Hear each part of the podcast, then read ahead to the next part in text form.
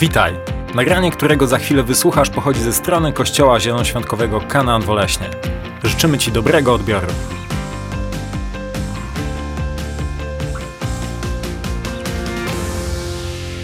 Kochani, na sam początek chcę powiedzieć, że to, co przygotowałem, ma naprawdę potencjał, aby rzucić takie nowe, świeże światło na e, problem lęku i naszego postępowania e, wobec tego lęku. I takie nowe, świeże światło w stosunku do rozumienia tego, co Bóg myśli na temat miejsca lęku i strachu w naszym życiu. Tytuł mówi sam za siebie, bo zatytułowałem to przesłanie Nie musisz się już bać. Zanim zaczniemy, to chcę Wam powiedzieć, że pierwsze zdanie, które powiedział Jezus do ludzi, którzy byli w wieczerniku, to było pokój Wam. Jednak, jednak żyjemy w świecie, musimy to wszyscy przyznać, zdominowanym przez lęki. I większość z nich dotyczy naszej egzystencji na Ziemi. E, lękamy się o nasze zdrowie, naszą sytuację materialną, rodzinę, prestiż, posadę i możemy wymieniać bez końca. Z drugiej strony boimy się, by nie zostać odrzuconymi, osamotnionymi, wyszydzonymi czy źle zrozumianymi.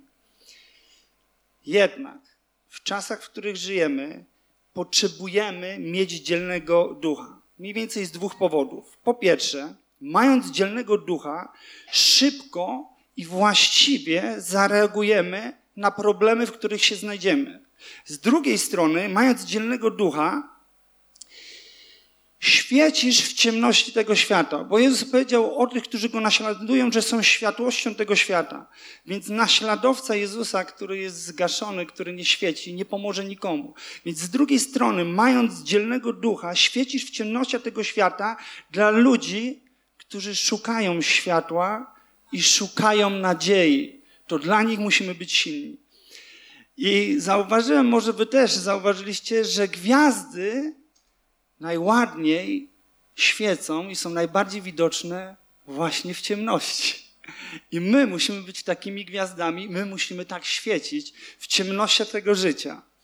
Biblia uczy nas, mówi, że człowiek dzielnego ducha przejdzie chorobę. I czytamy to w przypowieściach Salomona, 18 rozdziale, 14 wersecie.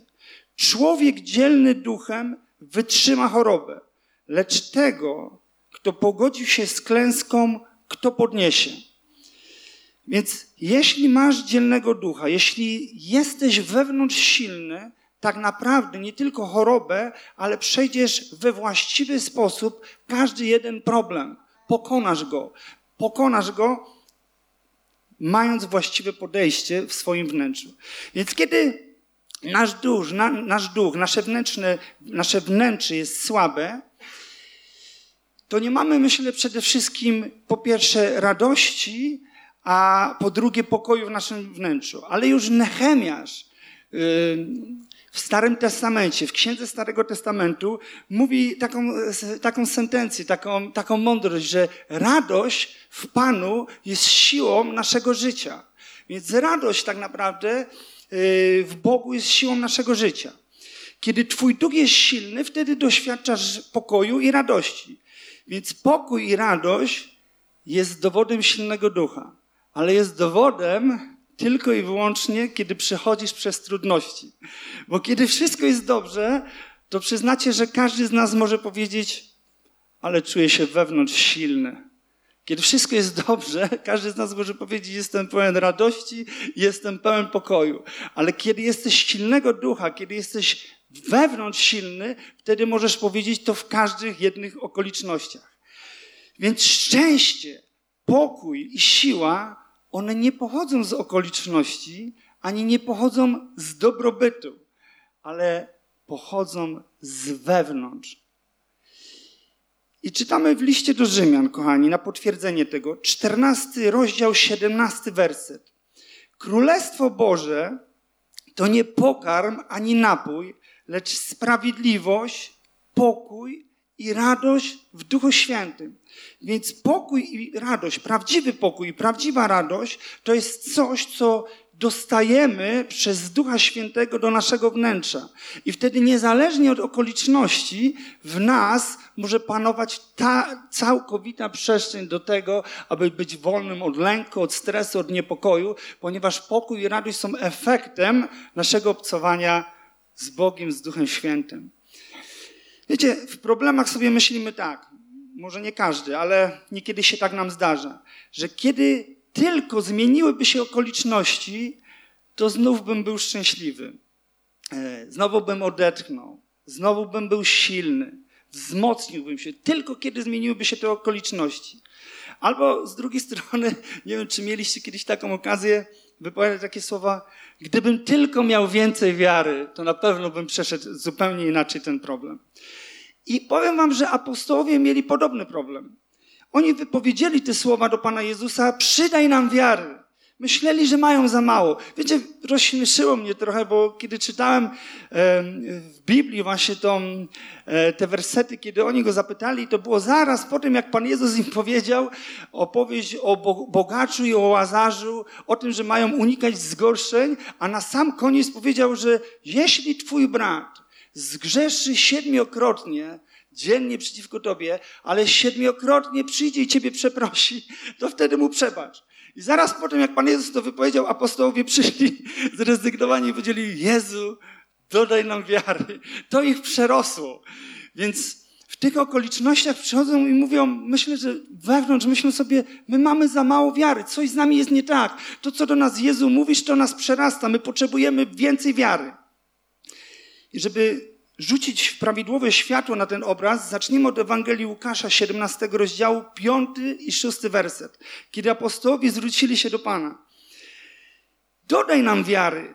Pan zaś odpowiedział, gdybyście mieli wiarę jak ziarnko gorczycy, moglibyście powiedzieć tej morwie, wyrwij się z korzeniami i zasadź w morzu, a ona usłuchałaby was. Więc Jezus mówi do nich, że wystarczy te najmniejsze ziarenko, że wystarczy najmniejsza część wiary, aby dokonać spektakularnego cudu. Wystarczy najmniejsza część wiary, aby pokonać problem, pokonać Goliata, który jest przed tobą. Czytamy dalej, przechodząc do listu do Rzymian w 12 rozdziale, w trzecim wersecie. Bowiem przez daną mi łaskę, apostoł Paweł pisze, powiadam każdemu, kto jest między wami, aby się aby nie być znadto myślącym ponad to, co trzeba wiedzieć, lecz myśleć dla zachowania rozsądku tak, jak Bóg przydzielił każdemu miarę wiary. I znalazłem jeszcze w dwóch innych tłumaczeniach, jeśli chodzi o tą miarę wiary, gdzie jest napisane stosownie do wiary, jaki Bóg udzielił każdemu, lub co mu Bóg wytyczył w mierze wiary. Więc Jezus mówi, że wystarczy jakaś malutka część wiary, aby dokonać spektakularnego cudu. Nie trzeba jej mieć więcej, nie trzeba prosić Boga o przydanie tej wiary. Z drugiej strony Boże Słowo ukazuje, że każdy z nas otrzymał miarę wiary. Kiedy powierzyłeś swoje życie Jezusowi Chrystusowi, kiedy narodziłeś się na nowo, kiedy On zamieszkał w Tobie, wtedy Bóg dał Ci miarę wiary. Czyli wystarczy, że z tej małej wiary, z tej małej lub kiedy wystarczy, że z tej chochli wiary, którą Bóg ci dał, zaczerpniesz tylko troszeczkę, aby zmieniła się sytuacja, w której jesteś. I przechodząc dalej do listu, drugiego listu Piotra, pierwszy rozdział, pierwszy werset, Szymon Piotr mówi do nieznanych adresatów. Równie dobrze mógłby powiedzieć to do nas takie słowa. Szymon Piotr, sługa i apostoł Jezusa Chrystusa, do tych, którzy otrzymali wiarę równie cenną jak nasza, dzięki sprawiedliwości naszego Boga i Zbawiciela Jezusa Chrystusa. I słowo, które tutaj jest użyte w Grece, odnoszące się do tego terminu równie cenną, równie cenna, oznacza równej wartości i czci. Zamykając tą część, chcę Wam powiedzieć, że to oznacza, że mamy taką samą wiarę, o takiej samej jakości, jak apostoł Piotr. I to jest niesamowite. I to jest nam potrzebne, abyśmy zrozumieli cały schemat naszego działania. Bóg mówi, że mamy tą samą miarę, że mamy miarę jakąś wiary, mamy taką samą jakość wiary jak apostoł Piotr i wystarczy tylko delikatna, drobna, malutka część tej wiary, aby przynieść cud, którego potrzebujesz do twojego życia. I to daje nam niesamowite zapewnienie, że z naszą wiarą jest wszystko ok. Kochani, jesteśmy w temacie tego, co Jezus myśli o strachu w naszym życiu. I będziemy czytać z Ewangelii Mateusza z ósmego rozdziału. To jest opowieść, którą doskonale, myślę, wszyscy znamy, o sztormie, o burzy, którą przeżyli apostołowie z Panem Jezusem.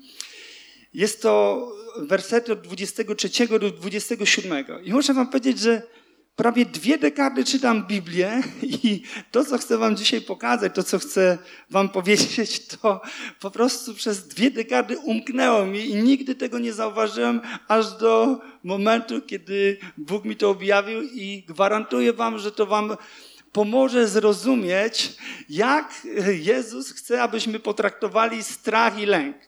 Czytamy od wersetu 23. Jezus wsiadł do łodzi jego uczniowie dołączyli do niego. Gdy już, był, gdy już byli daleko od morza, zerwała się potężna burza. Fale przelewały się przez łódź. On natomiast spał. Wtedy przystąpili do niego, obudzili go i zawołali: Panie, ratuj, giniemy! O ludzie małej wiary odpowiedział: Dlaczego się boicie? Następnie wstał, stłumił wiatr i wzburzone fale i zaległa wielka cisza. A ludzie zdumieni zadawali sobie pytanie, kim on właściwie jest, że nawet wiatr i woda są mu posłuszne. Chciałbym, abyśmy myślami naszymi przenieśli się do tej łodzi razem z Panem Jezusem, do tego sztormu, do całej tej sytuacji i spróbowali znaleźć się w tych emocjach, w których oni byli. I kochani, sztorm y, określono wyrazem seismos. Tym słowem określa się trzęsienie ziemi. Więc fale były tak, a fale były tak wysokie, że przykrywały łódź. To znaczy, że grzbiet fal znajdował się wysoko ponad łodzią. Żeby to zobrazować. Fale jak po trzęsieniu ziemi, ziemi wyższe niż łódź. Byli tam doświadczeni rybacy, wystraszeni jak dzieci. Są przekonani o zagrożeniu swojego życia. I teraz kuriozum. Fale ich zalewają przy trzęsieniu ziemi. Wyobraźcie to sobie. Wszyscy się, się boją, są przekonani o tym, że giną, a Pan Jezus, kiedy budzi się, zamiast być w amoku, to On zadaje im pytanie, dlaczego się boicie? No wyobraźcie sobie, oni są przekonani, że giną, a Jezus się budzi i mówi, dlaczego, dlaczego się boicie? No jak dlaczego? Ponieważ myślimy, że zaraz umrzemy. Jednak On dokonuje wyboru, zadając im pytanie, dlaczego się boicie? Czy to nie jest dziwne?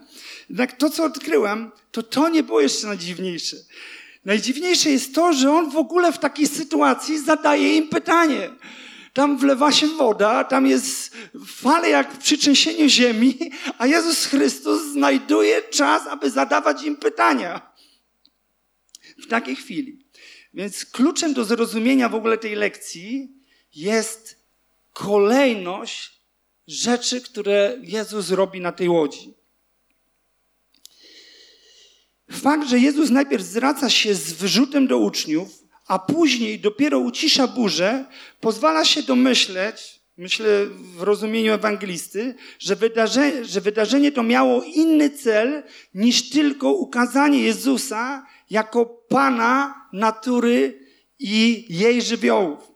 Bo w słowach, patrzcie, Jezusa, Dlaczego się boicie ludzie, ma, ludzie małej wiary? Zawiera się pretensja do ludzi, zawiera się pretensja do uczniów, ale sednem tej sytuacji jest po prostu ich pouczenie.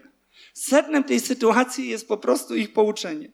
Więc czego Jezus chce ich nauczyć? Więc co chce im pokazać? Po pierwsze, chce im pokazać, że prawdziwym problemem człowieka nie są siły natury grożące śmiercią ani sama burza, ale lękliwy sposób jej przeżywania. Uczniowie, kiedy czytamy ten tekst, widzimy, że tak naprawdę nie ufają Panu Jezusowi, nie ufają swojemu mistrzowi. Bo gdyby mu ufali, nie musieliby go budzić. Oni nie czuli się przy nim w tym czasie jeszcze bezpiecznie. Oni nie czuli się przy nim w tym czasie jeszcze bezpiecznie. Po drugie, wydarzenie z burzą miało ich pouczyć, że wiara w jego moc i potęgę, nawet w takich okolicznościach, jest nie tylko na miejscu, ale jest potrzebna i nie zawiedzie. Po trzecie, wydarzenie z burzą, możemy o nim śmiało powiedzieć, że Jezus domaga się absolutnej wiary i ufności od tych, którzy są Jego uczniami, nawet w sytuacji, po ludzku mówiąc, beznadziejnej. Oni byli przekonani, że giną. Więc co? Myślę, że celem Jezusa było uświadomić i wpoić uczniom, że nie muszą bać się nigdy. Nigdy. Nawet podczas zagrożenia życia, że mogą mieć sobie wiarę i zachować pokój. Więc innymi słowy, w Jego obecności możemy odczuwać pokój, chociaż dookoła szaleje burza. To, co Jezus z nimi zrobił, to był tak naprawdę instruktaż tego, jak mają się zachowywać w podobnej sytuacji. I ja chcę jasno powiedzieć, że nie nawołuję do tego, że masz gromić wiatr i gromić burzę. I gromić burzę. Ale Jezus chciał im pokazać, jak mają się zachowywać nawet w tak ekstremalnej sytuacji, jak zagrożenie życia. Wiecie, zaufanie Jezusowi dla naszego intelektu tak naprawdę jest irracjonalne mamy taką naturę, taką naturalny lęk przed tym, żeby zaufać Jezusowi. Ja myślę, że nasz stary człowiek, ta nieprzemieniona natura krzyczy, że zaufanie Jezusowi jest nie tylko irracjonalne, ale ono jest obrazą dla naszej inteligencji. Jednak tylko ci, którzy polegają na sobie, będą się bali. Tylko ci, którzy polegają na sobie, będą się bali. Widzicie, w liście, przechodząc dalej, w liście do Filipian w czwartym rozdziale, w szóstym i siódmym wersecie mamy, mamy oto taką mądrość. Jest napisane, nie troszcie się o nic, ale we wszystkim, w modlitwie i błaganiach z dziękczynieniem, powierzcie prośby wasze Bogu, a Bóg pokoju, który przewyższa wszelki rozum, strzec będzie serc waszych i myśli w Jezusie Chrystusie. I myślę, że często właśnie się tak zachowujemy. Bierzemy cały bagaż tych naszych trosk, tych strachów, tych lęków, tych wszystkich rzeczy, które nas przerastają. Bierzemy cały, cały, cały ten plecak. Idziemy na kolana, idziemy pod tak zwany krzyż Pana Jezusa Chrystusa i jak mocno my to oddajemy. Jezu, ja Ci to wszystko oddaję. Ja już tego nie będę dźwigał. Panie Jezu, po prostu teraz te problemy są Twoje. Ja je zrzucam na Ciebie. A potem, kiedy wstajemy z modlitwy, po prostu bierzemy ten plecak, zakładamy na plecy i wychodzimy. I dalej nic się nie stało. Dalej czujemy niepokój, dalej czujemy porażkę, dalej czujemy strach. Po prostu nic się nie zmieniło. Ale jak mocno my mu oddawaliśmy naszymi ustami.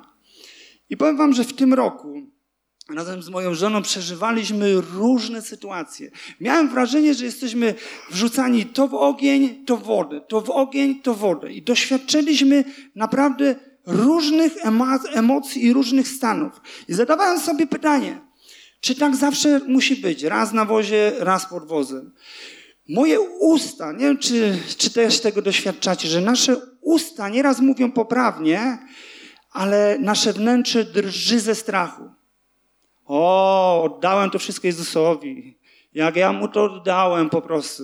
A wewnątrz czujemy ścisk i wiemy, że nie oddaliśmy to.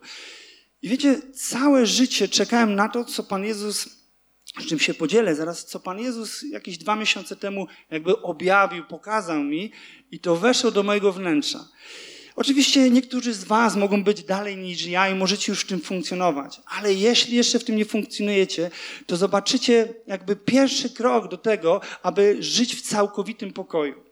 Więc kiedy się tak zastanawiałem nad tym wszystkim, jak można żyć w pokoju, To muszę jeszcze dodać tyle, że moja żona to jest osoba, która bardziej, ja ją porównuję, ona funkcjonuje też jak wiosna. Ona jest jak wiosna, wiecie, wszędzie wszystko kwitnie, jest tego dużo, pachnie, po prostu wszystko się dzieje.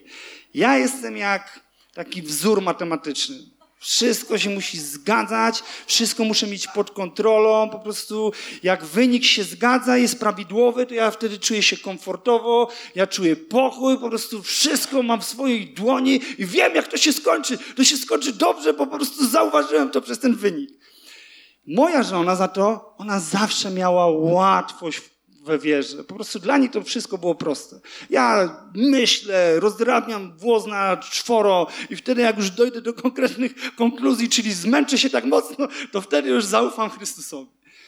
I kochani, to, co chcę wam powiedzieć, to to, że Jezus przemówił do mnie przez jedno zdanie proste. I powiedział tak. Wiara zaczyna się od decyzji. I to tak głęboko weszło w moje serce, że zmieniło wszystko. I chcę Ci powiedzieć, że zrozumiałem, że nie ma takiej rzeczy na świecie, przez którą mógłbyś nie zaufać Chrystusowi. Nawet jeśli wierzysz mu o uzdrowienie, a to się nie wydarzyło, to to także nie jest powód, dla którego miałbyś nie zaufać Chrystusowi.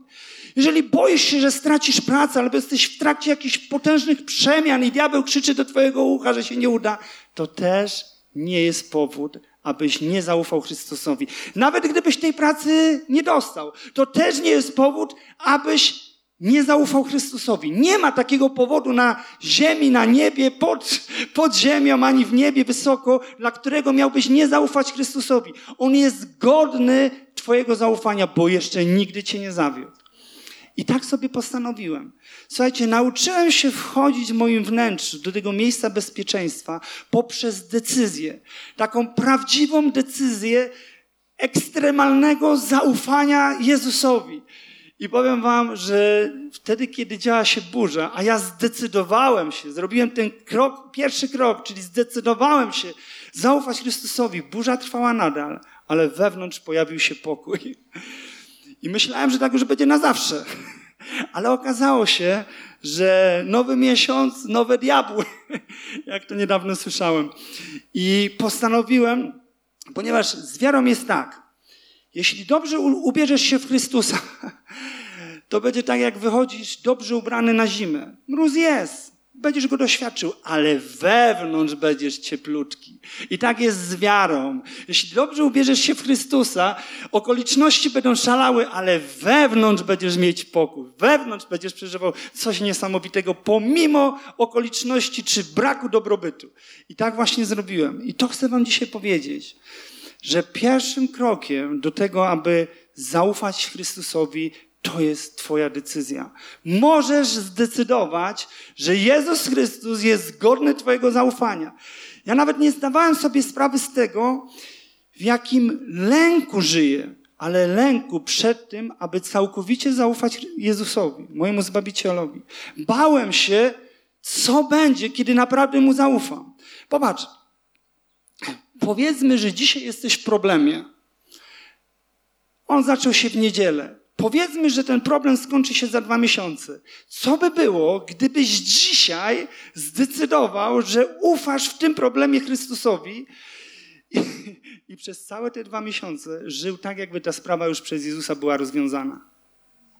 Przecież każdego ranka i tak musisz się budzić, ale możesz podjąć decyzję każdego jednego ranka, że dzisiaj przeżyję w pokoju ten dzień, ponieważ oddam prawdziwie tą troskę Chrystusowi i prawdziwie Mu zaufam, że On to rozwiąże. Jak wyglądałyby Twoje dwa miesiące? To by były najlepsze, najbardziej niesamowite miesiące Twojego życia, pomimo burzy w Twoim, w twoim życiu, pomimo burzy dookoła, pomimo złych okoliczności. Możesz żyć ufając Jezusowi. Czy będzie to proste? Nie wiem, ale wszystko zaczyna się od pierwszego kroku. Jeśli zdecydujesz, zrobisz pierwszy krok, wiara zacznie działać. Twoje zaufanie zacznie się rozwijać. Bóg już powiedział, to czytaliśmy, że masz już miarę wiary, a wystarczy takie małe ziarenko, aby dokonał się cud. I z Twoją wiarą wszystko jest ok.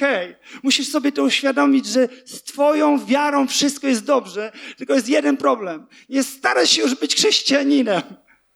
ale staraj się być wierzącym. Zacznij używać swojej wiary. Po prostu zacznij używać swojej wiary. Mówiąc wiary, zacznij używać swojego zaufania do Jezusa Chrystusa, że On nie tylko chce, ale może. I może Cię wyciągnąć z każdego ekstremalnego wydarzenia, ekstremalnie złego wydarzenia w Twoim życiu i żąda od Ciebie, żebyś w tym momencie był pełnym pokoju. Bo to mnie tak rozśmieszyło. Oni są przekonani o tym, że giną, a Pan Jezus budzi się i zadaje im pytanie, dlaczego się boicie? Jak dlaczego? No jak dlaczego? Więc tym pytaniem Jezus rozbraja strach i wymaga od nas, abyśmy zaczęli świecić w ekstremalnie ciemnym środowisku, jakim jest ten świat. I ktoś gwarantuje ci, dostrzeże Twoje światło i to zmieni jego życie, kiedy będziesz silnego ducha, kiedy pomimo okoliczności będziesz miał ra radość i pokój. Nie zawsze zwyciężysz, ale jeśli rozpoczniesz tą drogę, z pierwszym krokiem, ze swoją decyzją, jest duże prawdopodobieństwo, że nauczysz się przeżywać problemy razem z Jezusem, nauczysz się polegać na Nim i Twoja codzienność się zmieni. Będziesz radosnym i pełnym pokoju naśladowcą Pana Jezusa Chrystusa. Dlaczego? Będziesz mógł wszystkim powiedzieć, bo zdecydowałem zaufać Chrystusowi i nigdy się już nie cofnę. Zdecydowałem, że nie ma takiego, takie, takiego takiego problemu, nie ma takiej rzeczy na świecie, która mogłaby przekreślić moje zaufanie do Jezusa. Nie ma takiej rzeczy na tym świecie. Jezus jest godzien tego. On jest niesamowity. On żyje i On żyje w nas. I wystarczy drobna miara tej wiary, którą Bóg Ci dał, ziarenko, aby to zmieniło Twoje życie. Tak jest. Kochani, mam dwóch bohaterów którzy w trudnych momentach świecili dla mnie jak gwiazdy na niebie. To byli ludzie dzielnego i silnego ducha. Czytamy o jednym w czasach Starego Testamentu. Kiedy rozważam ich postawę, wydaje mi się, zadawałem sobie pytanie, czy oni zwariowali, zachowując się i mając taką postawę wobec problemów, mieli coś niesamowitego, czego pragniemy my wszyscy. I czytamy o pierwszym bohaterze w księdze Habakuka. Jest to oczywiście Habakuk. W trzecim rozdziale jest to 17 werset do 19. Zobaczcie, jaką on, on miał postawę. Choćby nie zakwitły figowce, winorość straciła swój plon, zabrakło na drzewach oliwek i nadziei na chleb z plonów pól. Choć w zagrodach wybito by owce, obory sprustoszałyby z krów. I teraz Habakuk daje swoje oświadczenie. Ja jednak będę radował się w Panu, cieszył się Bogiem mojego zbawienia. Wszechmocny Pan jest moją mocą.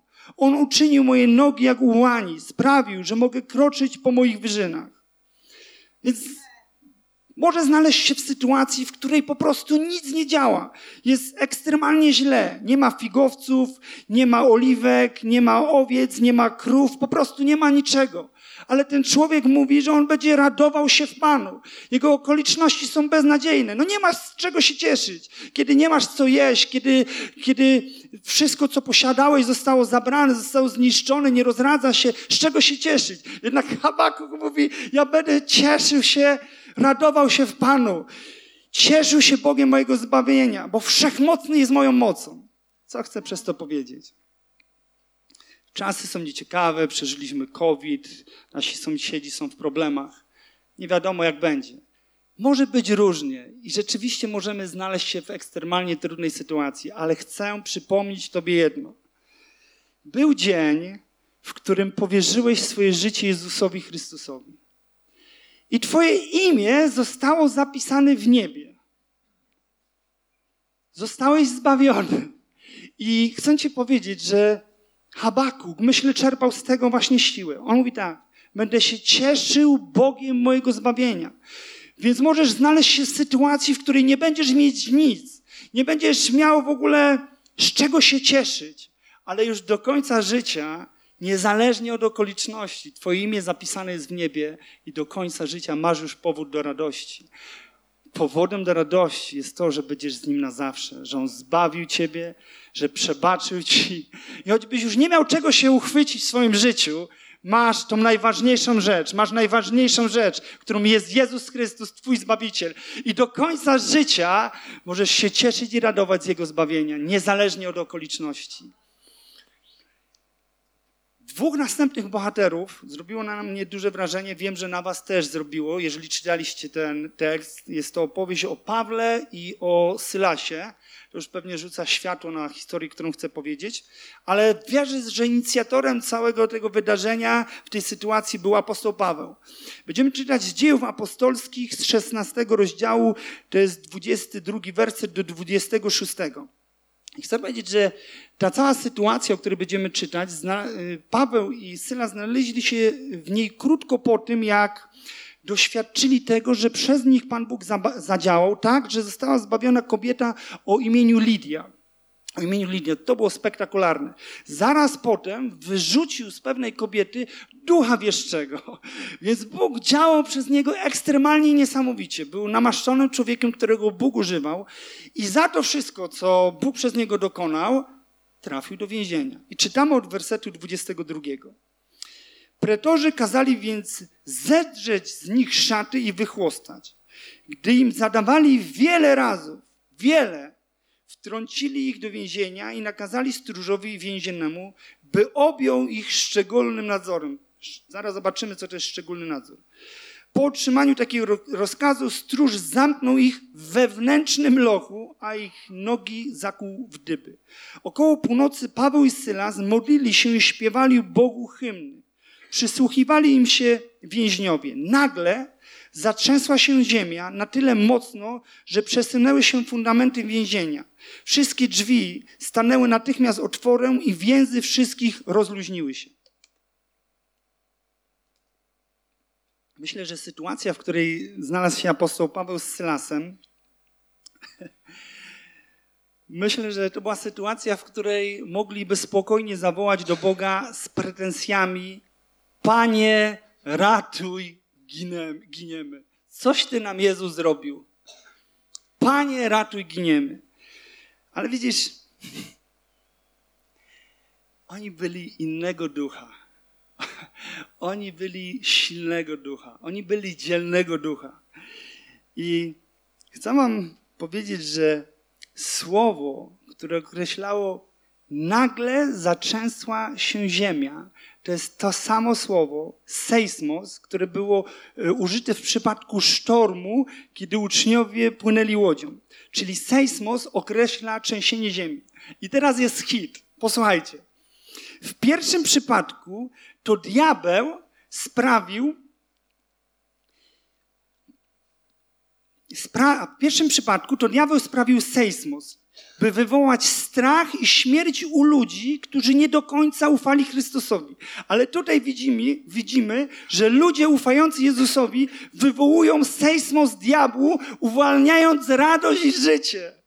Więc chcę Ci powiedzieć, że zrób trzęsienie ziemi diabłu przez uwolnienie Twojego uwielbienia, przez ekstremalne uwielbienie Jezusowi. Jeśli miałbyś nic nie zapamiętać z tego kazania, to zapamiętaj to. Zrób diabłu sejsmo, zrób diabłu trzęsienie ziemi, kiedy znajdziesz się w trudnych sytuacjach, aby uwielbić, aby postanowić, aby zdecydować w tak trudnej sytuacji, aby Jezusowi oddać chwałę i zaufać Mu. Wtedy wszystkie kajdany zejdą. I pomimo okoliczności, ci bohaterzy, nawet Habaku, który żył bardzo dawno, on jakby wyprzedzał swoją epokę o setki lat, żyjąc jakby w pewności zbawienia, żyjąc w pewności zaufaniu swojemu Bogu.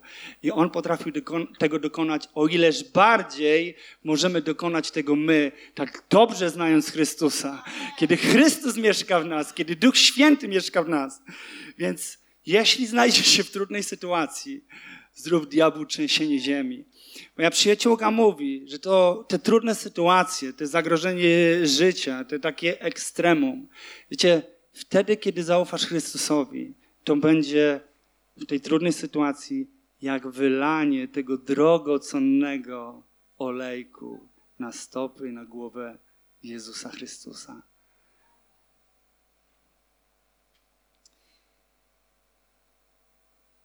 Albo był czas, w którym czujesz się bezsilny, albo on jest teraz dla ciebie, no i zła wiadomość, albo nadchodzi. Czas, w którym możesz czuć się samotny, niepewny albo przygnieciony potęgą nieprzyjaciela, przeciwnika. Ale powiem Ci coś. Zapamiętaj to. Ale wolność, którą dał nam Jezus, jest jak nieokiełznany żywioł. Powtórzę to jeszcze raz. Wolność, którą dał nam Jezus, jest jak nieokiełznany żywioł. Co mam na myśli? Tą wolnością jest możliwość zaufania Mu całym sercem. Tą wolnością jest możliwość podjęcia decyzji, że nie będę ulegał strachowi. Bóg dał nam wybór i to jest niesamowite. Możliwość, by żyć bez strachu. Widzisz, w drugim liście do Tymoteusza, w pierwszym wersecie, w, w pierwszym rozdziale, w siódmym wersecie czytamy Bóg bowiem nie dał nam ducha lęku, lecz mocy, miłości i trzeźwego myślenia. Więc przeciwnik posyła ducha, który jest lękiem. Lęki i strachy nigdy nie są Twoją naturą, Twojego życia, Twojego jestestwa. To jest duch posłany do Ciebie, aby zająć miejsce Ducha Świętego. Tam, gdzie Duch Święty chce dać sprawiedliwość, radość i pokój pomimo okoliczności, tak w złych okolicznościach przeciwnik chce, abyś czuł lęk, strach i czuł się pokonany. I lęku nie możesz nigdy przyjmować. Lecz Bóg daje nam ducha miłości. I to jest taka myśl, która może zmienić wszystko. Zbliżając się do końca, czytamy w pierwszym liście Jana, w czwartym rozdziale, w ósmym wersecie. Jan pisze tak: W miłości nie ma lęku, lecz doskonała miłość usuwa lęk. Ponieważ lęk kojarzy się z karą, ten zaś, kto się lęka, nie wydoskonalił się w miłości. Wiecie, ludzkie zabezpieczenia nie uwolnią nas od lęków, one mogą pomóc, ale tylko doświadczenie Bożej, bezwarunkowej miłości może usunąć każdy lęk z Twojego życia. Każdy lęk z Twojego życia. Jeszcze do tego powrócimy. Chcę Wam opowiedzieć jeszcze jedną historię na koniec. Jak Pan Bóg uczył mnie i moją żonę, aby ufać Mu w każdej jednej sytuacji. Słyszałem kiedyś taką opowieść pewnego pastora, który mówi, jak do niego ktoś przychodzi z bardzo złą informacją, to on mówi po prostu, ten pierwsze co mówi, to mówi, problem nie jest, ten problem nie jest problemem. Mówi, diabła trzeba wyśmiać. I on postanowił, że wtedy idzie sobie zobaczyć kabaret. Jak się dobrze nastroi, to wtedy radzi sobie z tą sytuacją. Wiecie, to może wydawać się bzdurne, ale mi się to spodobało. Mówię, on ma jakiś patent. On wie, jak rozpocząć tą drogę. I pomyślałem sobie, muszę to kiedyś zastosować. I zdarzyło się tak, że mieliśmy taką sumę, e, mieliśmy taką sumę oszczędności w naszym życiu. No i wydarzyło się, że popsuł nam się samochód. Jak popsuł nam się ten samochód, byliśmy zabezpieczeni, mieliśmy na naprawę. No niestety pan mechanik się pomylił i wydaliśmy 6 tysięcy, ale na to, co nie było tak naprawdę sedna.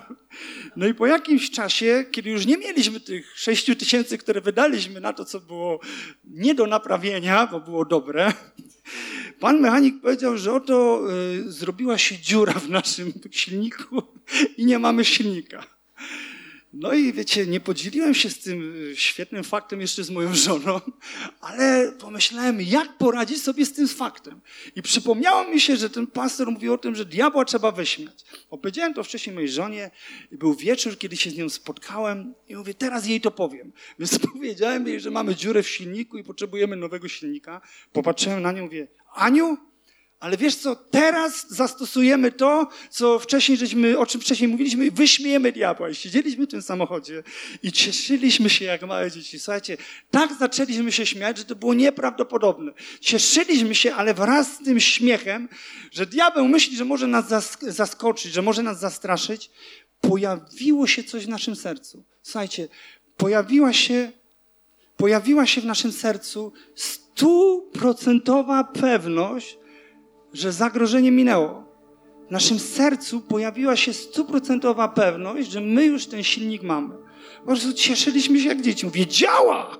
Działa! I kiedy pojechaliśmy do domu, moja żona poszła na drzemkę. Nie wiem, czy to było tego dnia, czy następnego. Wiecie, to było ponadnaturalne, czyli w ponadnaturalny sposób, bo nie umiem tego inaczej określić. Mieliśmy przekonanie w sercu, tą substancję wiary, że sytuacja jest załatwiona.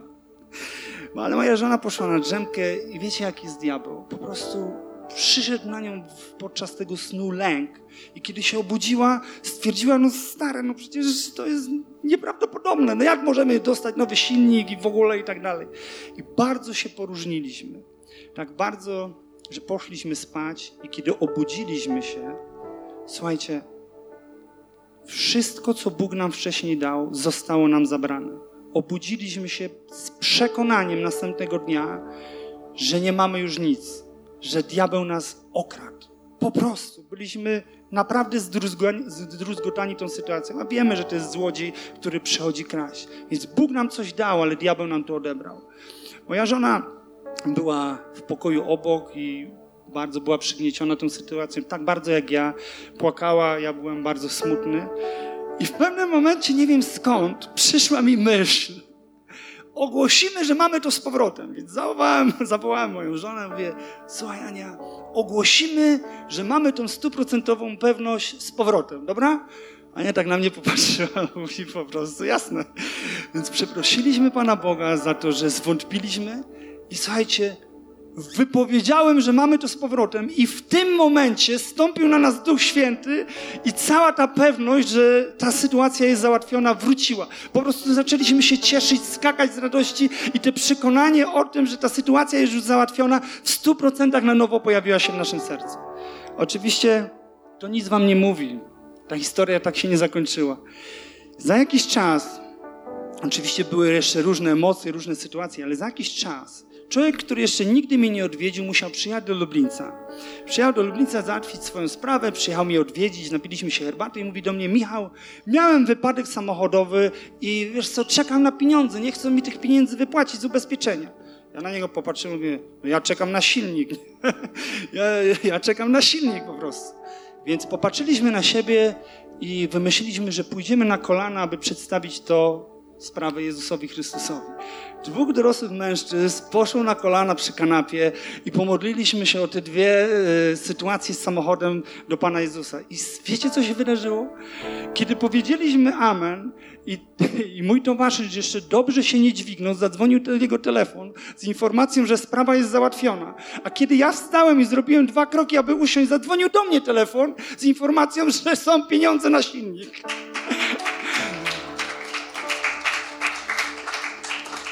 Ale co było w tym niesamowitego? Mogłem przejść ten czas smutny, nie ufając Chrystusowi, zamartwiając się. Nie wiem, jak Bóg by to rozwiązał, ale widocznie tego, co się nauczyłem, diabeł chciał mi coś ukraść. I nieraz może myślisz, jesteś pokonany taki w swoim wnętrzu, bo diabeł mi coś ukradł. Nie mówię, że masz ogłaszać, że nie ukradł, ale jak Bóg coś ci daje, to daje ci naprawdę i na serio i On z tego nie rezygnuje. To jest Twoją własnością. Reasumując, kochani, z Twoją wiarą jest wszystko w porządku. Jest należytej jakości, tylko zacznij ją używać. Wiara, czyli zaufanie, rozpoczyna się od decyzji. Więc możesz żyć w Jezusie albo w lęku i strachu. To, co musimy zapamiętać, to to, że musimy zrobić trzęsienie ziemi diabłu poprzez ekstremalne uwielbienie i zaufanie Jezusowi. I pamiętaj jedno: wolność, którą dał Jezus, to jest nieograniczony, nieokiełznany żywioł dla Ciebie i dla mnie. A teraz, kochani, chciałbym, abyście powstali i pozwólcie, że po pierwsze pomodlę się o to, aby miłość Pana Jezusa zabrała wszelki lęk, wypaliła wszelki lęk, aby poradziła sobie z wszelkim lękiem. Otwórz swoje serce. Jak słyszeliśmy dzisiaj, dźwignij swoje ręce do góry i pozwólcie, że pomodlę się. Jezu Chryste, Jezu Chryste, Ty powiedziałeś, że miłość Twoja jest rozlana przez Ducha Świętego w naszych sercach. I ja modlę się dzisiaj o nas wszystkich, abyś stąpił i wypełnił, Panie, każdy lęk, każdy brak, Panie, każdy strach, to wszystko, co nas ogranicza Twoją miłością. Ja modlę się, Duch Święty, abyś przyszedł z poznaniem Twojej miłości, z duchem Twojej miłości, z objawieniem Twojej miłości, Duch Święty. Abyś, Panie, wypalił to, ten wszelki strach przed zaufaniem Tobą, przed zaufaniem Tobie, Jezu. My już nie chcemy się bać Tobie ufać, Jezu. Zabierz to od nas. Pomóż nam stworzyć, Panie, w sobie tę decyzję, aby zaufać Ci całym swoim sercem.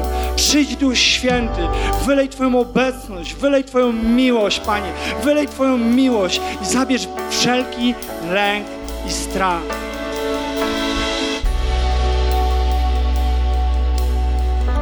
Pani, być może jest tutaj ktoś, kto jeszcze nie powierzył swojego życia Jezusowi. Może jesteś tutaj, może słuchasz tego przesłania i jeszcze nigdy nie doświadczyłeś miłości Jezusa Chrystusa, tej miłości rozlanej przez Jego Ducha Świętego, tej miłości, która usuwa wszelki lęk. Chciałem Ci dzisiaj zaproponować, abyś podjął decyzję zaufania Jezusowi Chrystusowi całym swoim sercem, takim jak jesteś, takim stanie, jakim jesteś. Chcę poprowadzić Ciebie w modlitwie, abyś zawierzył Mu od dzisiaj. Panie Jezu, wierzę, że umarłeś za mnie na krzyżu. Wierzę, że przybiłeś do krzyża wszystkie moje grzechy. Jezu, ja już nie chcę żyć o własnych siłach. Wiem, że zmartwychwstałeś właśnie dla mnie. Jezu, ja powierzam Ci moje życie. Zapraszam Cię do mojego serca i ogłaszam, że jesteś moim Panem i Zbawicielem. Proszę Cię, zapisz dzisiaj moje imię w niebie, abym mógł do końca mojego życia, niezależnie od okoliczności, cieszyć się Twoim zbawieniem. I proszę Cię, Duch Święty, wylej Twoją miłość na moje serce. Amen. Witaj ponownie. Dziękujemy za wysłuchanie tego nagrania i mamy nadzieję, że pomoże Ci ono zbliżyć się do Boga. Jeśli dziś podejmujesz decyzję o zaufaniu Jezusowi i uznaniu Go Twoim Zbawicielem, to chcemy Ci pogratulować. Modlimy się o Boże działanie w Twoim życiu i zapraszamy Cię serdecznie do Kanaanu, ponieważ wierzymy, że Kościół, czyli wspólnota wierzących ludzi, to najlepsze miejsce do wzrostu i rozwoju duchowego. Szczegóły dotyczące naszych spotkań znajdziesz na stronie www.kanan.pl oraz w naszych mediach społecznościowych.